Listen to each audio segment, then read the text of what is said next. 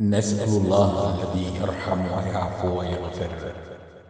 فلا ملجأ منه إلا إليه ولا راد لفضله ولا معقب لحكمه. فنحن أحوج ما يكون إليه. ففقرنا إليه صاعد وغناه إلينا نازل نرجو رحمته ونخشى عذابه. ونسأله الستر والعافية في الدنيا والآخرة. وكل عام وأنتم بخير.